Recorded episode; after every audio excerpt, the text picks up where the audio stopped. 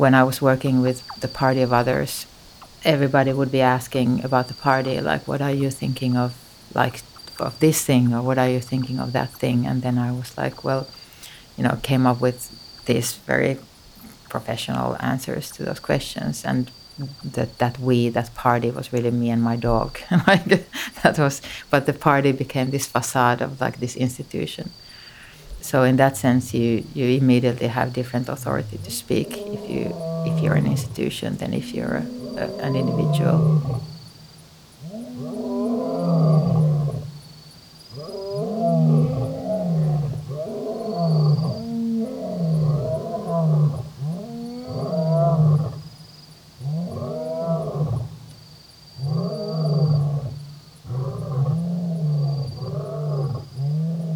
but it kind of all also works other way. Uh, I've been part of art institutions and I've initiated art institutions and been working on the boards of art institutions and, and other kinds of organizations. And there's also this fantasy of institution being like this this actual thing instead of it just being like a group of people working together. And I think there's also a lot of times people are critical to institutions and forget that actually there's no institution. Like it's just a fiction. It's just people working, doing certain things within certain framework. And so I, I guess it kind of comes back to the idea of fictions that these are these kind of social fictions that our world is reliant on, like money or identities or nationality or or law. They're all fictions, and we're all they're they're powerful because we collectively believe in them.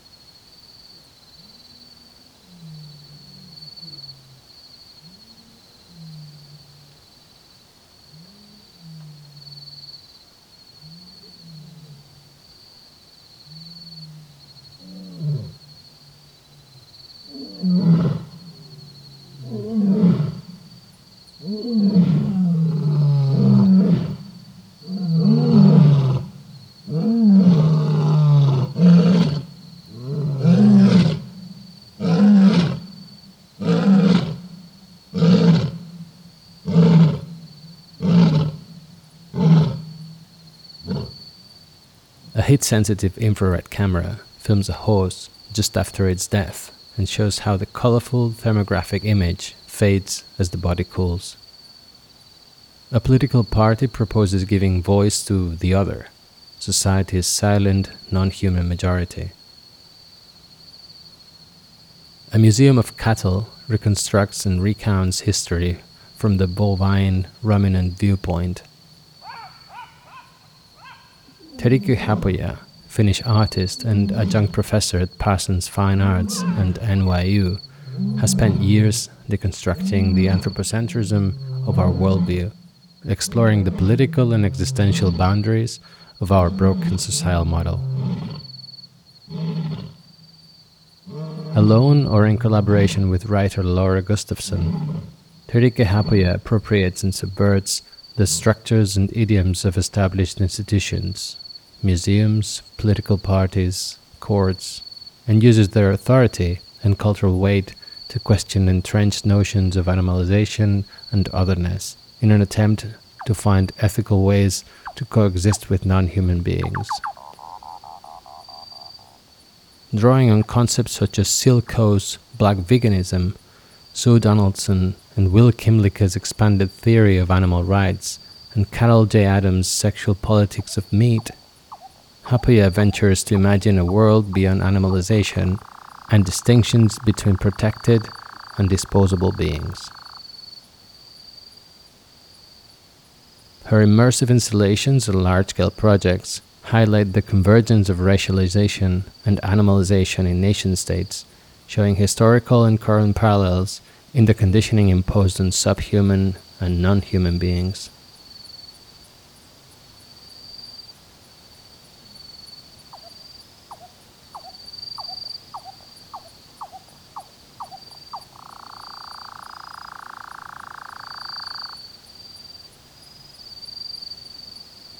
In this podcast, Terike Haapoja invites us to imagine this posthumanism, a hybrid, expansive, empathetic we with room for ambiguity and difference and for interspecies political understanding, in which the morbid fantasy of human exceptionalism and the hierarchy of species is put to rest once and for all.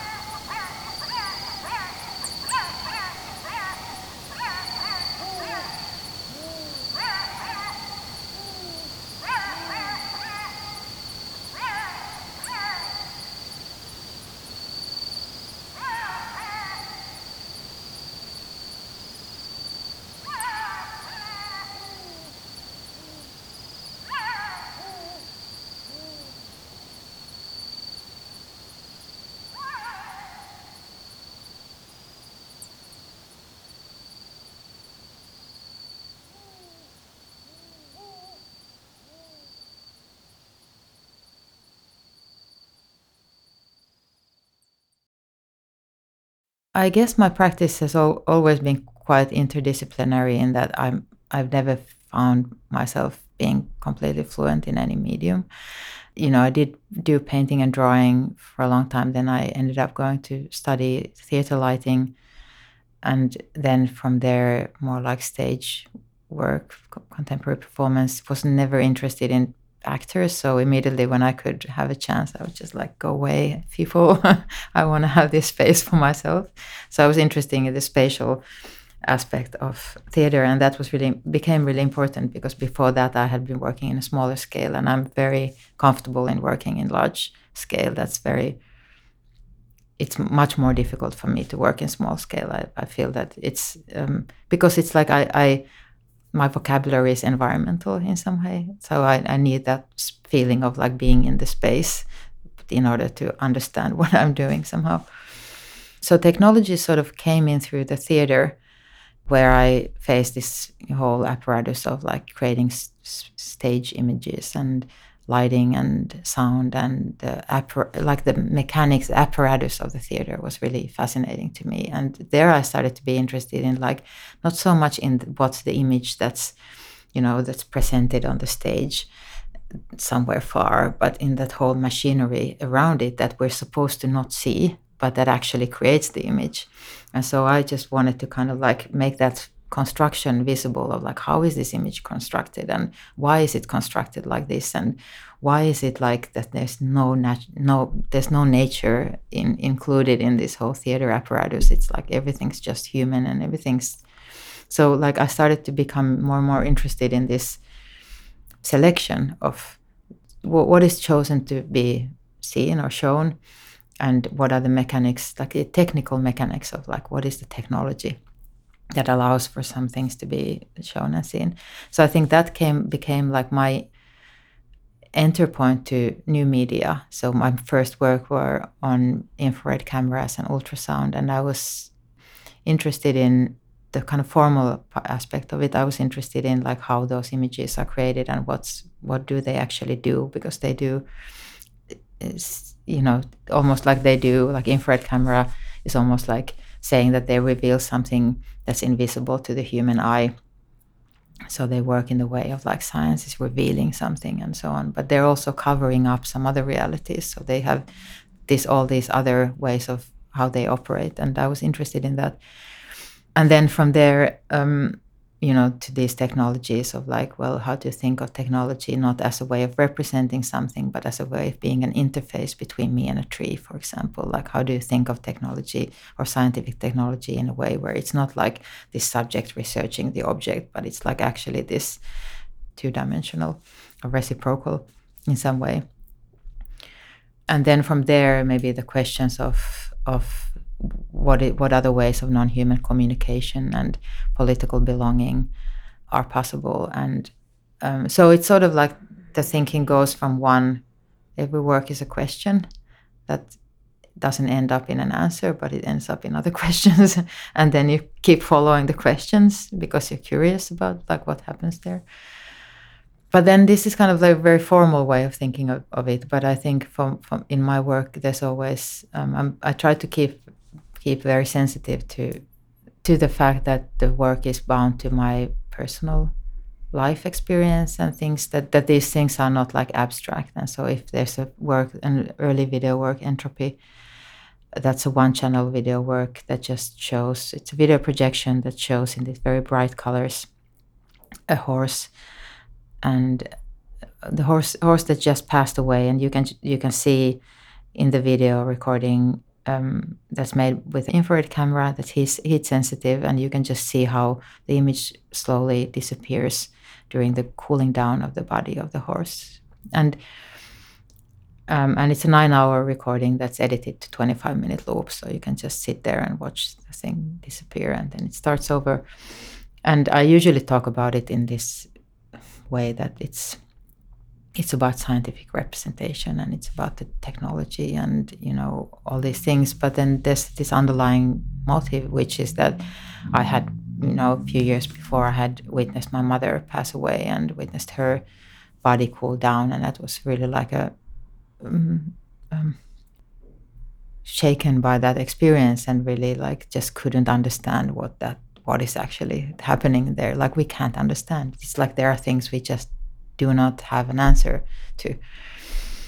Um, so we have to approach them through these symbolic or metaphorical interfaces. So artwork becomes for me i think one one big function of art is that it, it, it allows us to be to have an engagement with something that we can't we can't think of. Our cognitive abilities are not built for thinking of what's birth or death or like consciousness or these things that we're so embedded in. We can't think of like physiologically. Like it's just we we can't. So we have to have some other ritualistic way to approach it so that we can have some kind of a connection with it, even though we can't understand it. And I think that's where art is very close to religious practices and has similar function.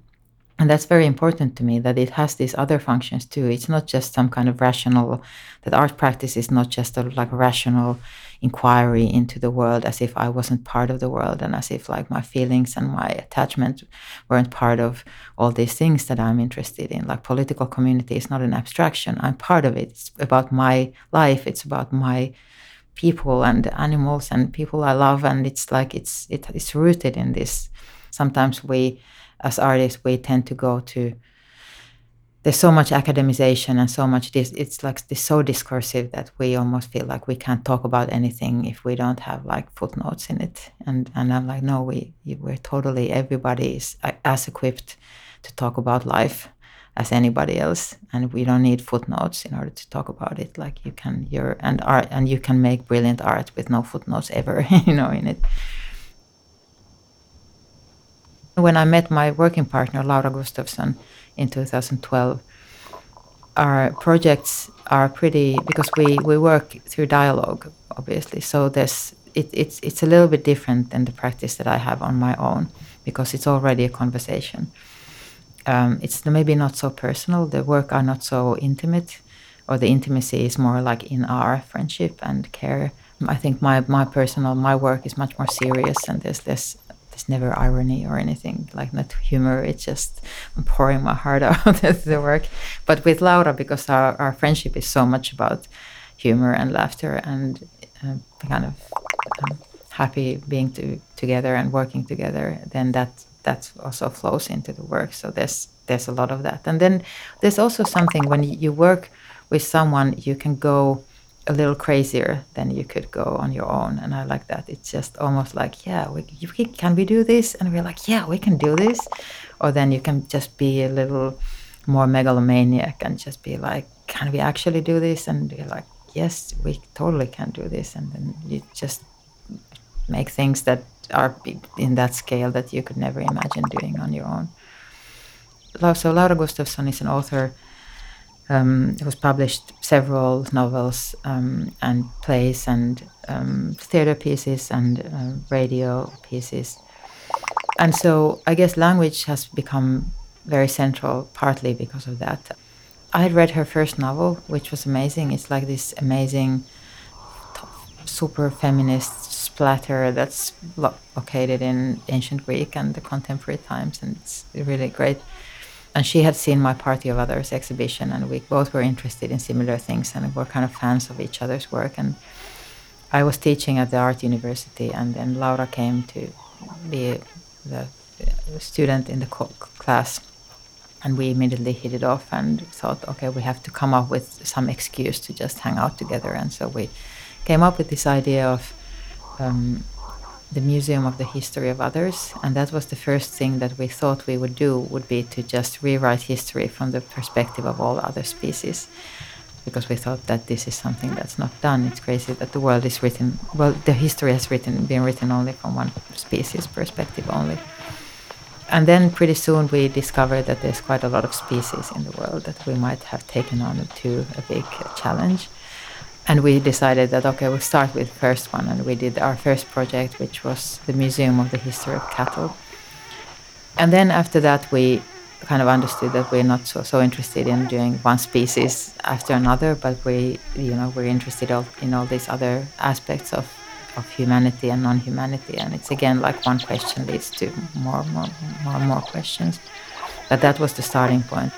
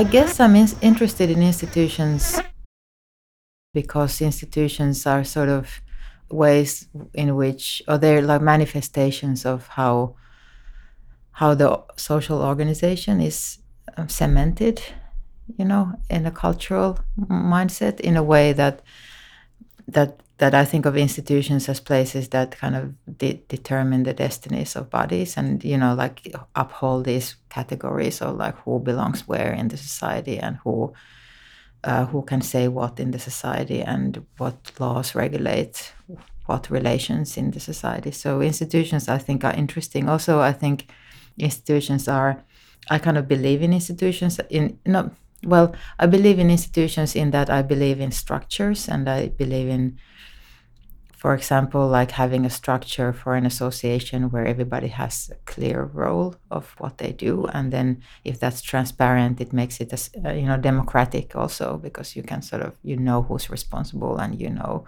you know the the um, name of the game in some way. But then, of course, like institutions always sort of represent the values and the hierarchies of whatever is the hegemonic order of whatever time so they're also very in imperfect in and and oftentimes very violent and and so um, my thinking of like why is it interesting for for me as an artist to use the form of an institution like a museum which is a very i mean that a lot of people do this. This is a whole history of like doing this appropriating institutional forms probably for the same pretty much the same reasons. You can appropri- appropriate the authority of an institution because they all, always they sort of authorize some way of thinking or some social organization and you can you can kind of appropriate that authority and use that authority uh, while doing something different with that. And so when we launched museum of non-humanity for example we just rented a building in helsinki and uh, did it completely DIY. We, just had a small crew and a small grant, and we just worked on that. And then uh, had the whole fiction of like new museums opening in Helsinki, and and this is like a start of a new era where the human-animal binary has been put into the museum, and and there is something that happens with that that uh, it sort of starts to reflect back to the world, and and suddenly the world becomes a place where this is a reality. It's like it's not a it's not a gallery representation something. There actually is a museum for non-human binary the history of the human animal binary. And that's it's like it has this transformative quality where it can like create a setting or create a rupture in reality where another kind of fiction becomes possible. And so that was really interesting that then you know at some point all the other museum directors from major helsinki art museums would come and we would be there as museum directors ourselves and you know like meet them on on on the eye level. It's like welcome to our museum. And so it kind of also gives you that sort of authority to establish your own alternative way of thinking of the world while also asking questions of like why do we have these institutions and what are the historic foundations of, for example, a museum institution, which is like super problematic in its colonial, colonial like roots, and and to also kind of challenge and question that. The same with the party, political party.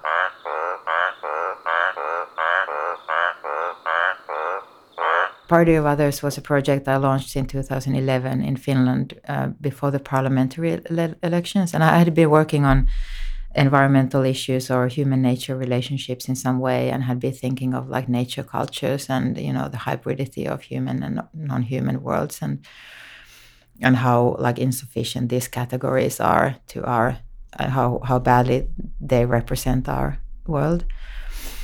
Um, but then I started to think well there's actually one realm that where in where these very binary um, categories are totally reality and that's law and there you have nature and there you have culture and there's no there's no hybridity. It doesn't recognize any of this hybridity that we in theory you know we start to be more and more aware of this hybridity. But in, in modern legislation almost anywhere this world is divided into two categories. There's persons on one hand humans and human made constructs and then there's things and things are nature and almost everything else. So then when to think about like the how the law is built from these very anthropocentric premises allows for some to be part of the political community, but then through that act also excludes. There's almost like it's the the premises on which this whole apparatus is built is already excluding like a whole bunch of um, creatures and beings, but also people. And so, in Western political theory, the way in which political community is thought of usually is that it's a it's it's it's exactly about rising above the state of nature. That's the state of nature is this violent everybody against everybody. It's like there's no communality. It's just animals fighting for survival and and political community is exactly like us rising above that and being able to have like social contracts you know which doesn't of course represent what nature is actually really like but it's like it puts it makes exclusion of this non-human realm as the foundation of a political community. So then thinking of how to then open it up and start to include the non-human realm becomes paradoxical because the whole construct is built on their exclusion. So you have to rethink the foundations and rethink the, how the whole system is set up. And so i launched this party as a way to to pose this paradoxical question of like, well, how could we include the non-human realm? Because we have to in some way, because of this environmental crisis, we have to find a way for them to be in some way at least represented. That project became like this two-part, and this was a time when there was a lot of xenoph- very xenophobic right-wing populism that started to rise in Europe, like really visibly. The first, not the first time, but the first time in Finland and so there was a lot of language that was very othering and very much drawing back to this idea that democracy belongs to this white male dominance and everybody who tries to open it up to include others is like you know should be rejected and or is is like an, an another to that community or to that discourse. So yeah, I definitely like in that that case think that this the way in which institutions are exclusive and are like our, our means for exclusion are they they like this then that's what I mean by saying that it, it also they they manifest like the categories and hierarchies of the societies like they cement them they like they make them reality they normalize them so that we don't even question why do certain people have a right to vote but why do why don't children have a right to vote or or why don't undocumented people have a right to vote or you know like what and and it, they become like such normalized states of affairs that we don't question the premises on like why is the system built this way? And it's like a function of institutions is to kind of maintain themselves and the function of the institutions is not to transform and you know change and be part of that but it's exactly to cement this social organization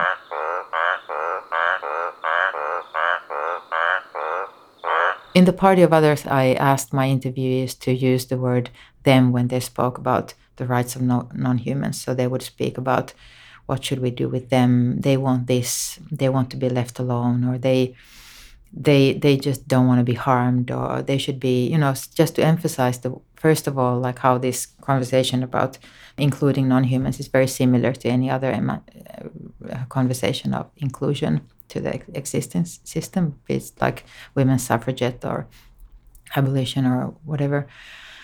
Uh, but then also to make it kind of make the possessiveness of that language visible so that it's it's clear that, that there's again there's someone who can't voice their own concerns so you have to speak on behalf of them and the question of the non-humans is that they cannot enter our political community if if we think that this only certain kind of language this propositional human language is what's accepted as language proper. Most recently I, I kind of started to understand i feel that i'm a little latecomer in this that actually like a lot of really really really central central stuff around this comes from disability uh, studies where um, and this is also what donaldson and Kymlicka talk about is that there is this whole idea of um, interdependence uh, and theorization around interdependence and that we're not these autonomous self-reflective subjects that we're not born like that we're not going to die like that. Most of in many times of our lives we're just not like that. We're dependent we're interdependent like radically.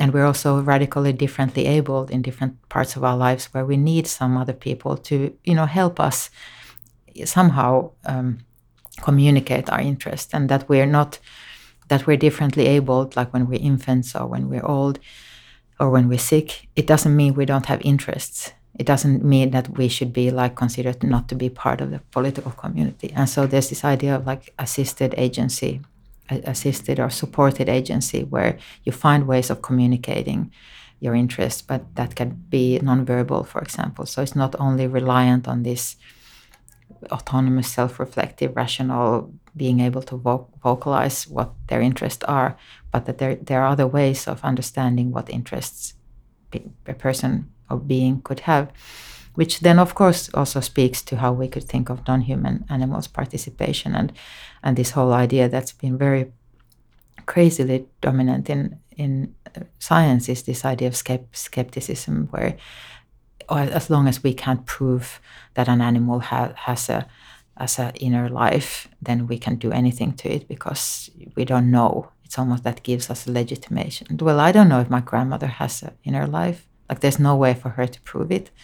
You know, so we're already based on basing this, you know, again, not on some factual proof, but on these moral categories that are just more like group belonging or naming. They're not based on some observation of like differences. So then there would be it would be possible to understand or read that non-human animals' ways of communicating their interests are valid as well, and we could have assisted or uh, supported agency for them to be part of the political community and communicate in different ways. But I think what's what's kind of comes out of this is that we do we would need to radically not to expect them to learn our languages, but we we, we would need to radically rethink what is the theorization of how we understand who can belong to the political community and on what basis.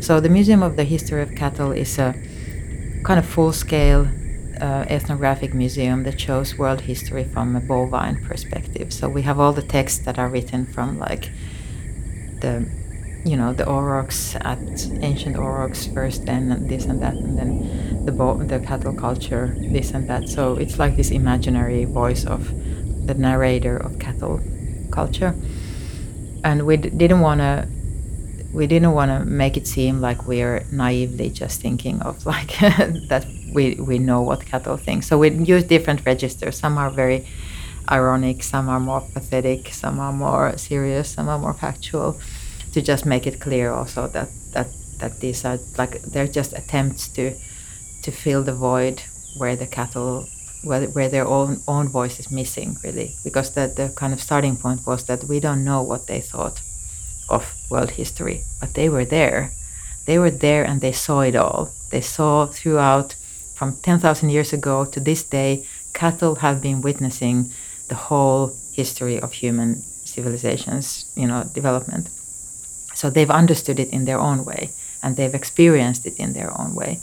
And of course, their generational and intergenerational experience of that has changed dramatically. And so, yeah, so that that was like our way of just pointing out that there is a, that we're working around this void, and the void is the absence of their language. The void is the absence of like our this the void is our inability to to speak for them, for them to speak for themselves.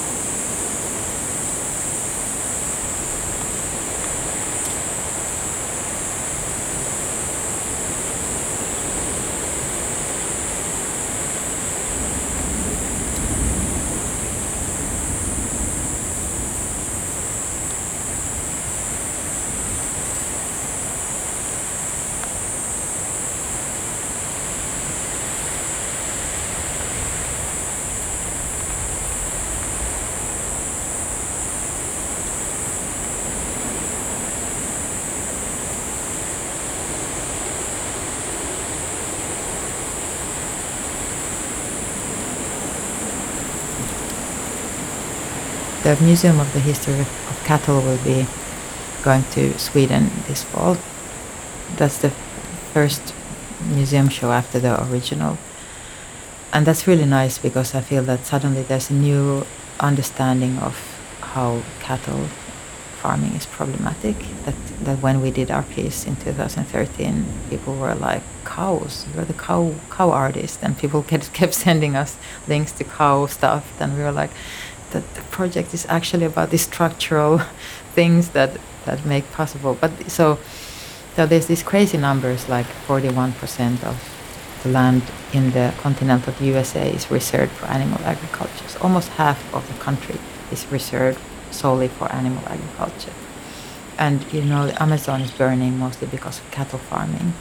And then, then because of the climate change, Australia is burning. And there's, I think, 1.5 billion cows on the planet, five, seven billion people. So it's the scale of of cattle farming is unbelievable, and it's unbelievable that even in our conversations about about climate, that that aspect of non-human li- lives being totally disposable is not more brought into focus. It's not really the, the gravity of the of the of the violence is not really acknowledged or it's not politicized. It's almost like meat eating is like a personal choice. It's a consumerist choice, and soy production is harmful also. And it's like complete loss of the scale of like what is that business actually about.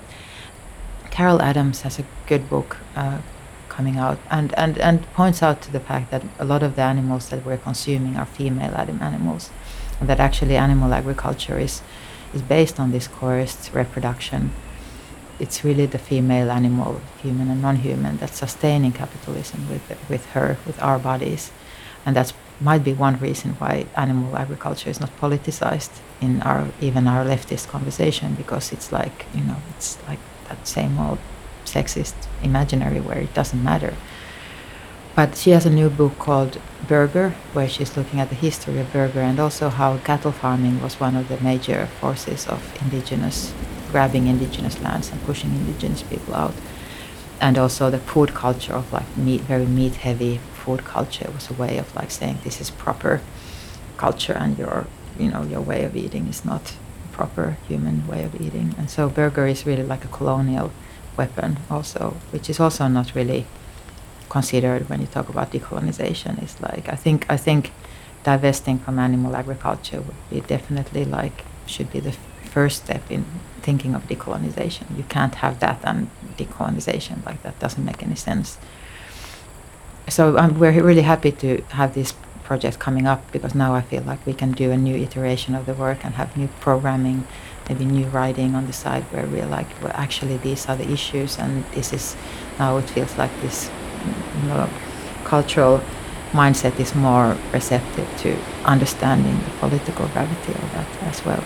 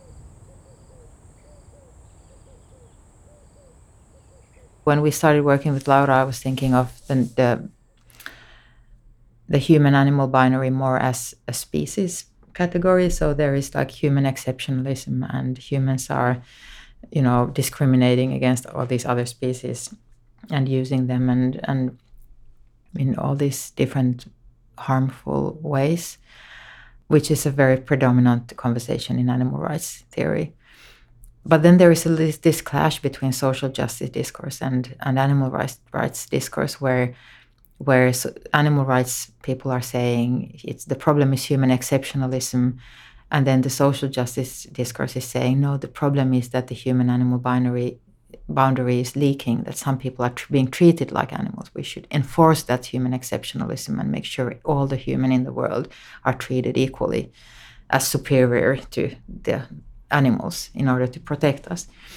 So this is, and then this is the kind of common ma- mainstream way of thinking of what's happening. And then post-humanist conversation is like ex- complicating this and saying, no, actually, human and animal are not like they're not species constructs. You don't. The persons in law and the things in law have not always been humans and non-humans, or the co- notion of human and non-human have not been like species Homo sapiens and all the other species, but that that actually like their moral and juridical categories that define um, like moral values. So if you call someone human, they have they become protected in a certain way, and there's this whole history of of declaring some people or some groups essentially less human and then discriminating against them or justifying violence against them based on their presumably being less human than the others.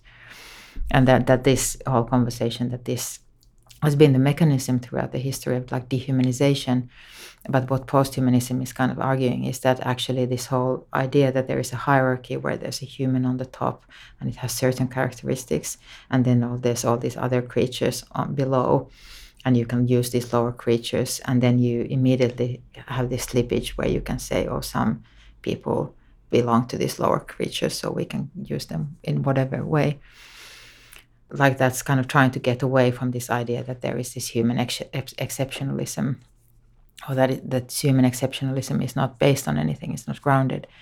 And then but then, then what Syl Ko is kind of saying is that yes there has always been animal oppression and there's al- always been um, discrimination against groups of people. Um, but but we have to look at the whole thing in the contemporary paradigm, which is the paradigm of racism and race, which is historical and it's like located in it's like a particular instance of like particular way of thinking and organizing human animal relationships which is influenced or informed by the notion of race and that to understand also that remember that the way race became to being was that it, it became as a way of conceptualizing this whole new idea of thinking of of humanity as as a hierarchies within the figure of the human. So when the Spanish colonists uh, en- encountered indigenous people living in, in the Americas, they didn't know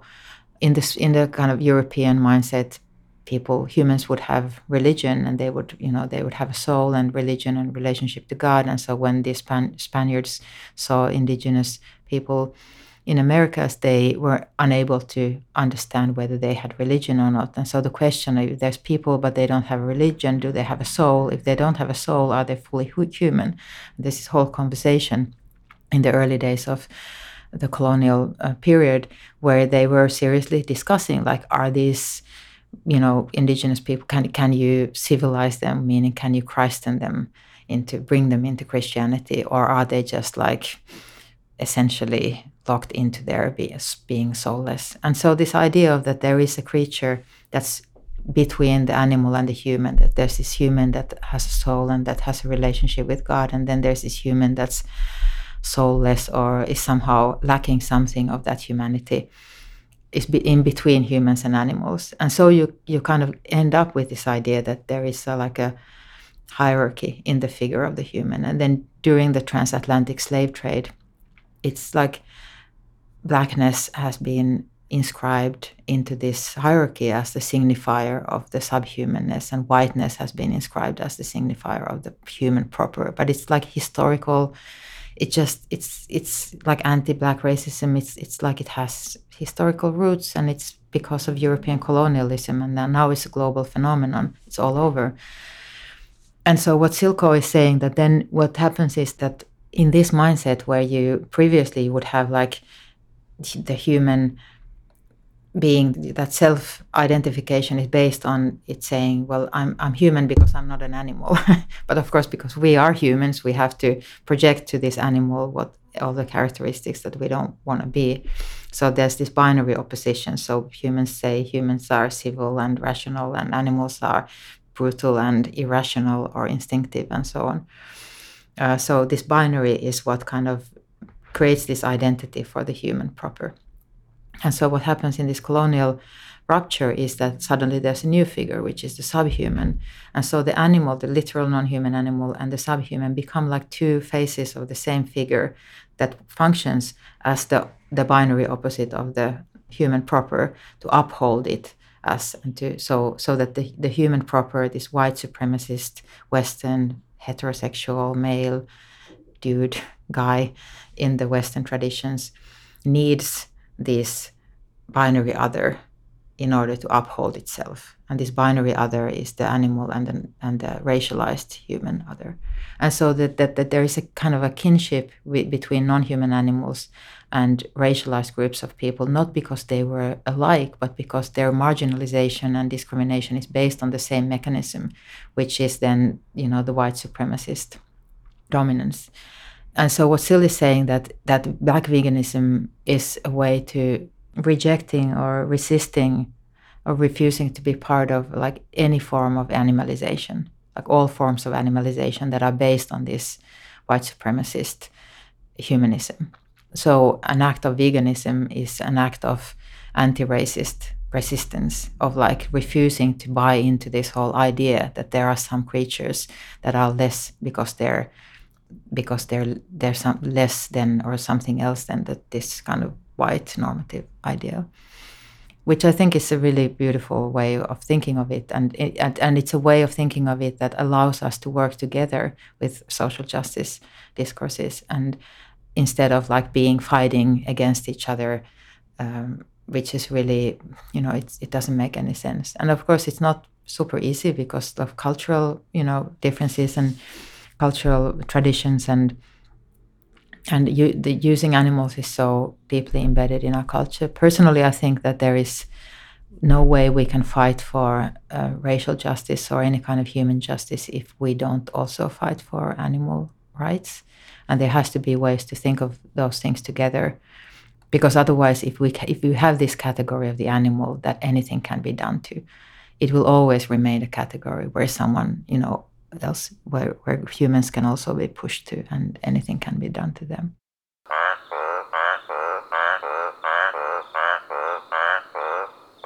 I mean, the whole question of rights of non-humans, I see it as like it's like it's there's two different approaches to that question. I mean, they both start from the idea that that it's a big problem that we have this legislation that's based on the idea that only humans and human-made constructs can be persons and can have be right holders. But even corporations that are immaterial entities or states or universities or hotels or whatever, they can be persons because they can own things. Uh, but then everything else, like animals, nature, objects, are things, and they can only be the object of the actions of persons. So if if you kill a dog or an other animal, the dog is never a victim of a crime. Uh, it's the victim of the crime is the owner of the dog whose property was um, damaged, and so there's this complete invisibility of the suffering of animals in the in law, or that their life would have any like um, inherent value and what both what what what's of course what these different initiatives are trying to do is to try to at least like make changes in law that would make it even visible to legislators and and juries that there is a victim that's actually the non-human entity is a victim that you have to at least be able to have a place where their victimhood becomes visible so that you can think of compensations to the victims and not to someone else who owns them. Like if you um, pollute a river, the river is the victim. It's not just the humans who are, you know, whose fishing rights are violated or something like that. There's two approaches to this. One is um, rights of nature, approaches that emerge oftentimes from areas with strong indigenous presence and are based on this more like holistic idea of a community that's bound to a certain landscape and to certain environment and that the rights of the environment are essentially the rights of the human community as well. So the rights of the river um, to be um, a, a rights holder means that also the, the, the, people who live among live along the river would secure their rights, their fishing rights.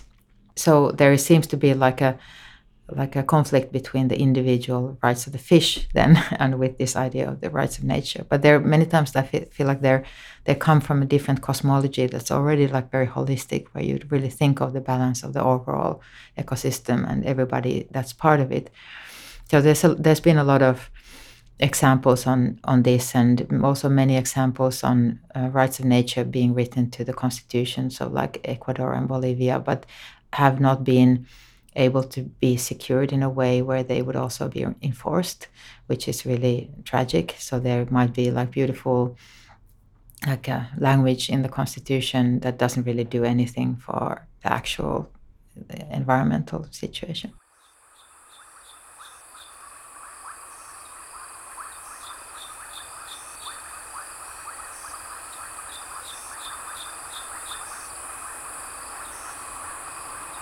The other approach that comes from animal rights theory starts from expanding the notion of personhood to include non-human individuals. It's more, more like starts from the idea that that how could we include more individuals to the existing system without really challenging the premises of the existing system. So, non-human rights projects, for example, that's um, work, uh, non-profit, legal non-profit working in the USA mostly, fighting, led by Steven Wise, uh, very famous, has been working on defending the legal rights of captive chimpanzee and orcas and elephants, and and their their point is that um, if we base on base the idea of of human exceptionalism on this idea of uh, self reflexivity and autonomy, which uh, kind of comes from Kant and his moral theory, and a long history of Western thinking, where this is exactly how you theorize that this is what why people are humans are so special is because they have this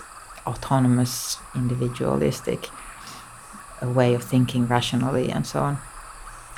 What they're saying is that well then you, if you look around you can see a lot a whole lot of other creatures who have the same cognitive capacities than humans. So why shouldn't we if, if these are the qualities that we're protecting why shouldn't we then expand those rights to those who actually have those qualities which then leads uh, someone like peter singer to very kind of problematic claims regarding disability rights uh, and disabled people's rights where he's saying, well, maybe we should then, based on that, we should reconsider whether people who are se- severely disabled should have equal rights. Because if this is kind of the way we think about it, then that should be like logical, you know, throughout the spectrum.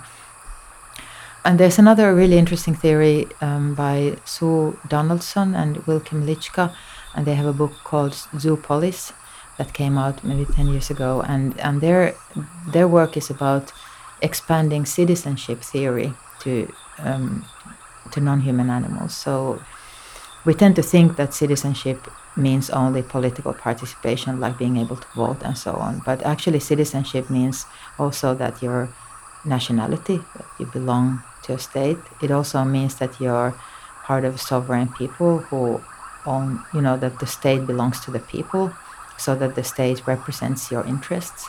And then it also has this um, aspect of political participation. And so, for example, infants, for example, infants uh, who do not, who can't politically participate, they're still nationals, and we still think that the states should represent their interests. And so we could think of animals in the similar terms. And what they're saying that uh, also citizenship theory doesn't say that there's a blanket rights for everybody, but that, that it's like dependent on what's the relationship, relationality.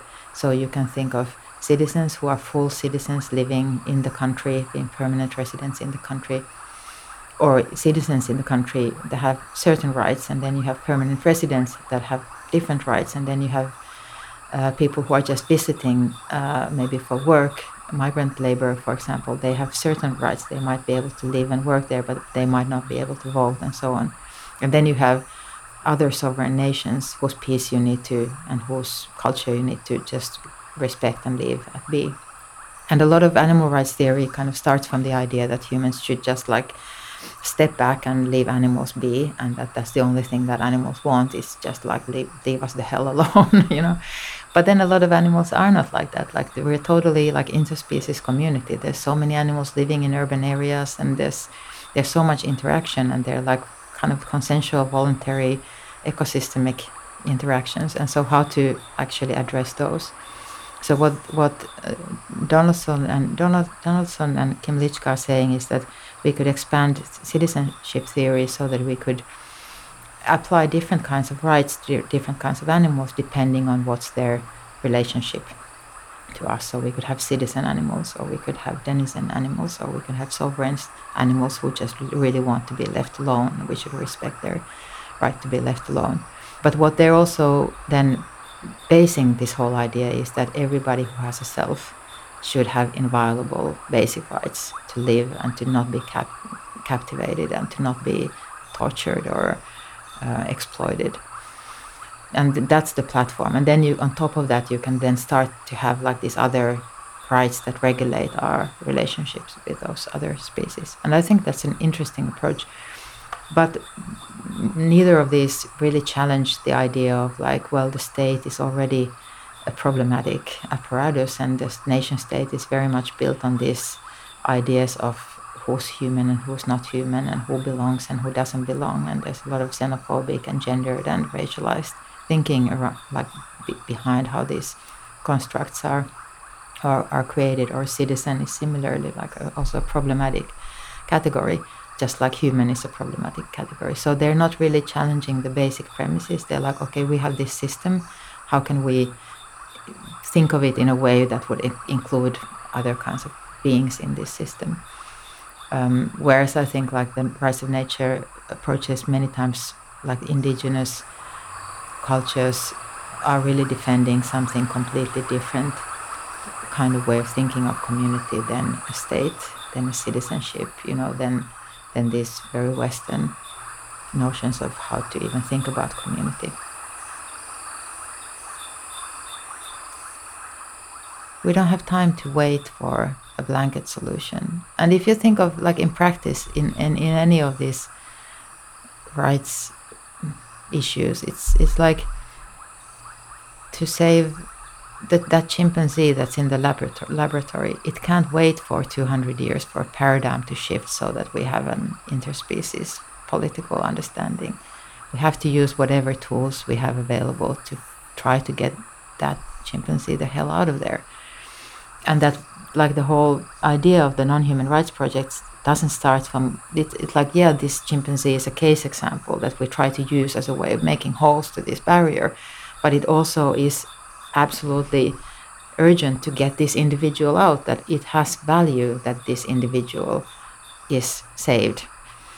And i think that's also of course that's obvious to us when we think of human rights struggles like say one person from a tragedy like it, we, we understand that it has worth, that it's worth every struggle, and that we have to use existing tools of human rights, even though this whole idea of human rights is like problematic because it's built on these foundations that are very racialized and anthropocentric. But we still have to use those tools because you, people can't wait for the paradigm to shift. So in that sense, like that uh, that idea of fixing one thing at a time, it's like you sort of have to have like a double vision where you look close and see okay what can i do with this tools in hand and, and what can i work with? And it's almost like sometimes it's it's um, it's schizophrenic because you have to use the tools that you're deconstructing at the same time. You have to deconstruct the tools that you also know that are absolutely like valuable in the work of justice at this moment. As an artist you many times what we're we're like we're, we're working on this post humanities or humanities or you know theory is working on this long term project of deconstructing these things. And it might feel cynical because you're not in relationship with the fact that we also have to use these tools. And many times there's these frictions between those things where some people are saying we shouldn't talk about human rights because we should get you know, we should demolish the whole state apparatus. It's bound to the state apparatus. We should demolish the state apparatus. But then, then you know, at the same time, we do need the state apparatus to uphold whatever legal tools we have at the moment.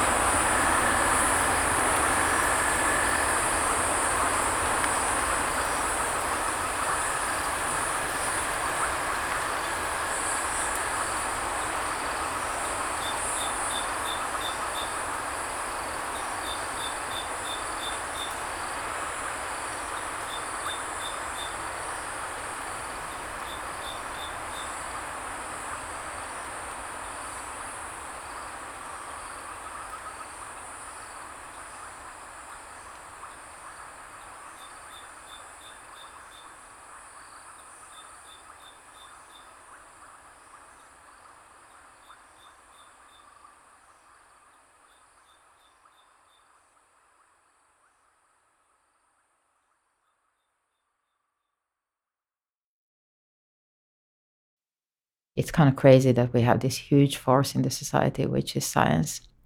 That's not really publicly discussed almost at all. Like we don't have huge bioethics conversations on front page newspapers of like, what is this something we want to do? We want to have GMO, this and that, or do we want to have this technology? And it sort of just happens on the background because it's so uh, there's so much it's specialization that you don't even know what the actual influences and consequences of applying some you know bioengineering practice would be.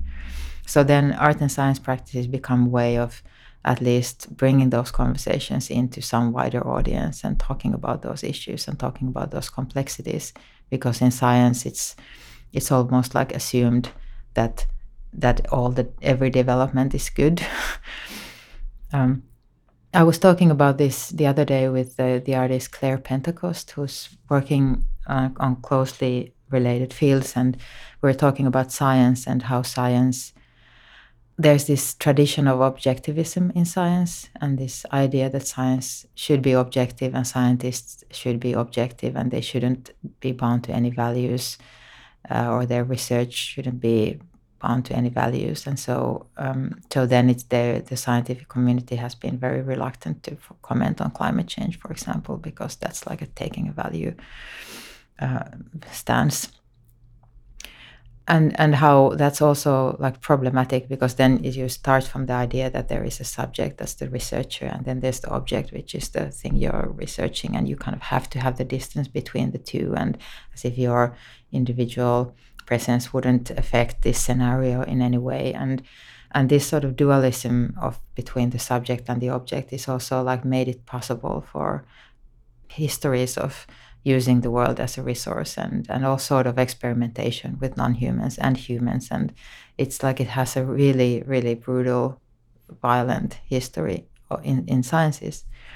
And so we were talking about the anthropocene and how like claire was asking if we if we think that we are in this era of the Anthrop- Anthropocene and uh, well, for lack of a better word or Capitalocene, that forces us to reconfigure so many of our practices. Should we also reconfigure scientific practices and how they how we think of that? And could we have like science that was somehow not bound to um, this idea of objectivism and neutrality, but still not completely the idea of truth and um, some kind of knowledge base that was not like because we also live in this po- post-truth era. And then I, I, started to think of this question from the in- interspecies point of view. If you think of like for example scientific research that's done on animals that's very painful to the animals. And then the question in bioethics is like is this research useful enough for us to justify this amount of pain for these guys. And and so it always assumes that there is an us to whom that science is good for. And then you can see the history of like non-consensual scientific experimentation done on marginalized racialized groups of people or individuals throughout the whole course of history of science. Like science is totally like tied to this history where it's always the kind of like there's always an us that's more valuable than the other and then that justifies the benefit for that us justifies to whatever horrible pain and suffering for the other. And so if we would really start to think of science through this notion of like interspecies wide extended interspecies us instead of thinking oh we have to have regulations we can't do this or we can't do that and we have to have laws to protect we can't do this to the chimpanzee or we can't you know and if we would start from the point of view of like this expanded interspecies us where the chimpanzee and I and the animals and you know the non-human world would be part of the same community and we would have to do research or we would do research that we think would be good for us for all of us. We would have a totally different idea of like of science and what what science was so that kind of idea of like how to challenge the basic premises on which these systems are built on. I think those things can come from the arts, and like like post humanities have been popularizing this uh, non-anthropocentric ways of thinking of the world in this wider sense. And I guess like I, I kind of think that that culture changes so slowly, not necessarily slowly, but it changes in like it's like we're we're like seven billion ants, you know, and we're changing it like little little by little, and that every gesture you do is like a drop in the ocean, and it doesn't. Very few gestures have like a very strong impact on its own, but then then you have many drops in the ocean, and it starts to shift the culture to a certain direction, and you don't really know where it's going. So in that sense, I feel that all the conversations that art can bring into the question regarding science, even though science isn't immediately adopting those ideas or picking up on the challenges, it might change the culture around it in a way where then when those questions arrive to the field of science, it's already this this more like a it's like cultivating ground on on making some things possible. Maybe it's like pushing pushing the Overton window to another direction. So some, suddenly some things become possible, discourse becomes possible.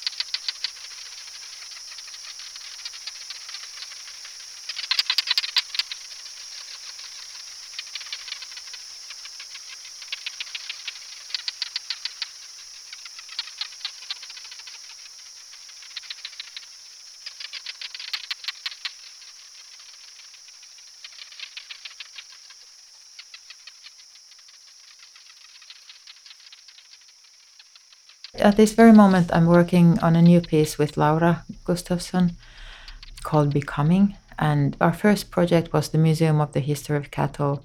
Then we did uh, work on the trial. And then then we did Museum of Non-Humanity, and then we did Waiting Room, which is a sound installation that we did last year. And so this is, I think, our fourth, fifth, fifth piece. And all these previous works have been more or less like deconstructing something like existing institution. And this new piece is uh, based on interviews of 37 women and non-binary people and um, gender non-conforming and trans people around us that we admire and who whose work we think is somehow in some way cultivating uh, some kind of new kind of way of thinking of humanity and human nature relations and and just making the groundwork for a better kind of world to somehow emerge.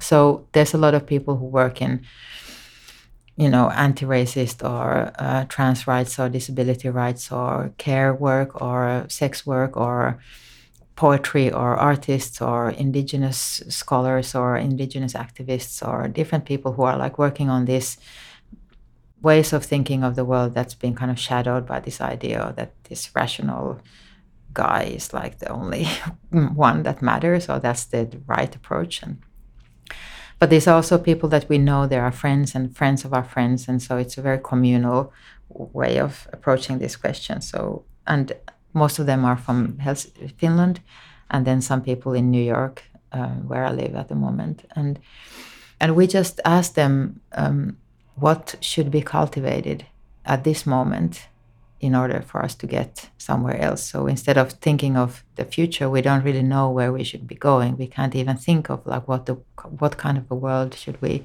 be building. We're focusing on the moment of transformation at this moment. So we all have to like somehow in order to get there, we have to take the little steps here. So, what are the little steps here? What is the what are the things to be cultivated? Yeah, cultivating is an important word for this new project, uh, especially, of course, because it's like cultivating land, and it has this, yeah, it, it has this notion of care in it that feels important, and I guess it kind of points towards the fact that it has to be like a constant practice. It can't be just a fix. It has to be like a practice. So maybe this work is more about like how can we cultivate our own existence in the world in a way that supports our political goals towards a world that would be more equal and more, you know, ecocentric.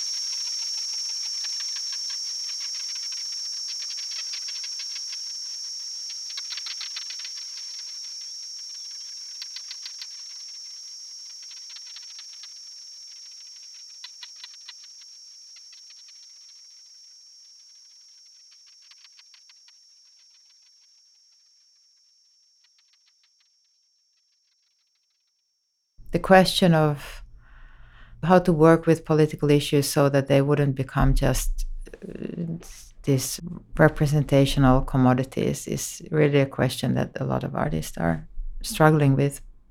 And and much of the problem is that the whole scene is so individualistic. So it's almost like you even if you're working on political issues you're still sort of working almost as your own institution. Like artists are becoming like their own institutions who have their own brand and their own PR department and their own, you know, like, and and we have to maintain that and we have to do all that work. And the way in which this capitalist neoliberal order is eroding forms of um, collective political action are so effective that everything's all like everything's privatized you know not only like all the capital is privatized but but also everything's privatized in the sense that political opinions become people's personal opinions and alliance to sort of struggles becomes like just how you feel about someone else and not about like collective action towards some political goals and art becomes part of that where you just become one more individual and your politics become just your politics. But i mean politics is really if you really talk about politics it's collective. It's collective action collective thinking collective working towards some shared goals which is exactly what the difference or the friction between act- activism or political organizing and art, art work is so there's definitely there's definitely that and I, I recognize that really as a problem obviously art being such a huge part of the market and um, and so on. At the same time there's something about the way in which we think of especially in the left that we think of political subjectivity as this rational being who figures out what's good for them and then they work together towards their common goal and then then they achieve their goal and everything's well. And it's like no one's like that. People are not like that. We're driven by instinct and tra- trauma and desire and subconsciousness and all these things that are not rational in that way. I think it's necessary for, for us to have art that is able to present or engage with this more complex way of thinking of who we are and our subjectivity and how our political motivations are formed and what are the instincts and desires and traumas that we're actually like that drive us forward uh, and not to believe that this rational subjectivity is like everything and so um, I know there's a lot of, um, I guess, a lot of activism, art activism today is not so much institution critique, but more like what they call institution liberation. So to liberate institutions from the grip of neoliberal, warmongering, capitalist philanthropes, and so on. It's almost like it's it starts from a place where it's thought that art world is so corrupt and the art market or not only art market but the whole art world is so corrupt and there's no way to to rescue the art object from being commodified no matter how political it is that the only place for art to exist is somehow like completely outside any institutional form of aesthetics or form or value as this like uprising as a like a constant um, perpetual revolution of the multitude you know? That's just just a crowd of like demanding change and demanding but that there's no outlet there's no place for like form of an artwork. I understand where that comes from uh, but i also think that that's it, it has a, there's a, like a very reductive idea of like what art is in that thinking and for me art is such a profoundly central human way of existing. It's like it's a very holistic idea of like art is not these things that I do. They're not these semiotic objects that I create. It's like art is not like any other production. It might look like like the objects are might be totally same than the things that are produced in other fields of culture production. And the way I think of art is that it's more like it's a, it's it's a need. We have a need to exist artistically. We have a need to have this. And as an artist, like I feel that there is something that's beyond doing and making. This is what I've been thinking of recently. Is that that the whole tradition of aesthetics looks at art only through doing and making, which is like through form. That art is a special kind of form that has a special. I, well, first of all, art doesn't have a special kind of form. Like nowadays, you can just anything can be art. It doesn't have to have a special kind of form. This that the art is somewhere else. You can say it's in the perception, or interpretation or something. But but what I think is that there is something about the practice that's not so much spoken about, which is that art is also a way of being.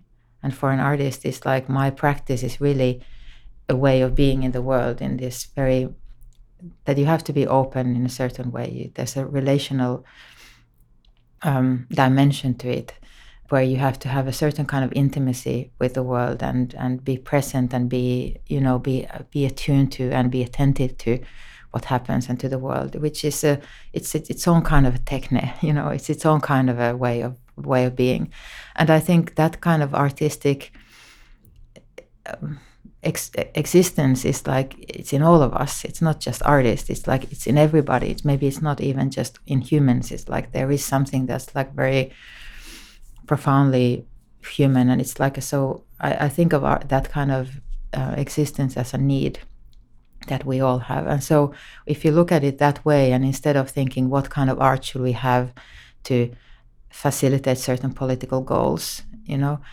uh, which al- already is instrumentalizing and is al- almost already saying, well, art has value only if it does this and this to the society, or that you have to, it has to have some utilitarian function in order for us to even have art. And I think that's insane because it's like, if it doesn't have that function, we'll still be doing it. Like there must be some other reason for for art to have been like in all cultures in since the beginnings of human civilizations, there's always been art in all these different forms. So if you think of art as this very deep human need, the same way that we have need to form deep bonds and deep connections, then you start to think, okay, well, well, yeah, liberating institutions from these corrupt structures is important, uh, and it's part of a struggle where we're trying to imagine and build a society where everybody would have access to this artistic uh, way of being in the world, which would mean that we would have to have certain basic safety nets uh, for everybody so that we could have leisure time and we could have time to just like experience the world or you know just develop this this openness and vulnerability with the world. And so that's kind of like for me that's the radical goal of like how to think of art in a different way. And and i don't believe in professionalization of art. I think all of this is bullshit. All these art institutions that i have two master's degrees and then i can make art that's total bullshit.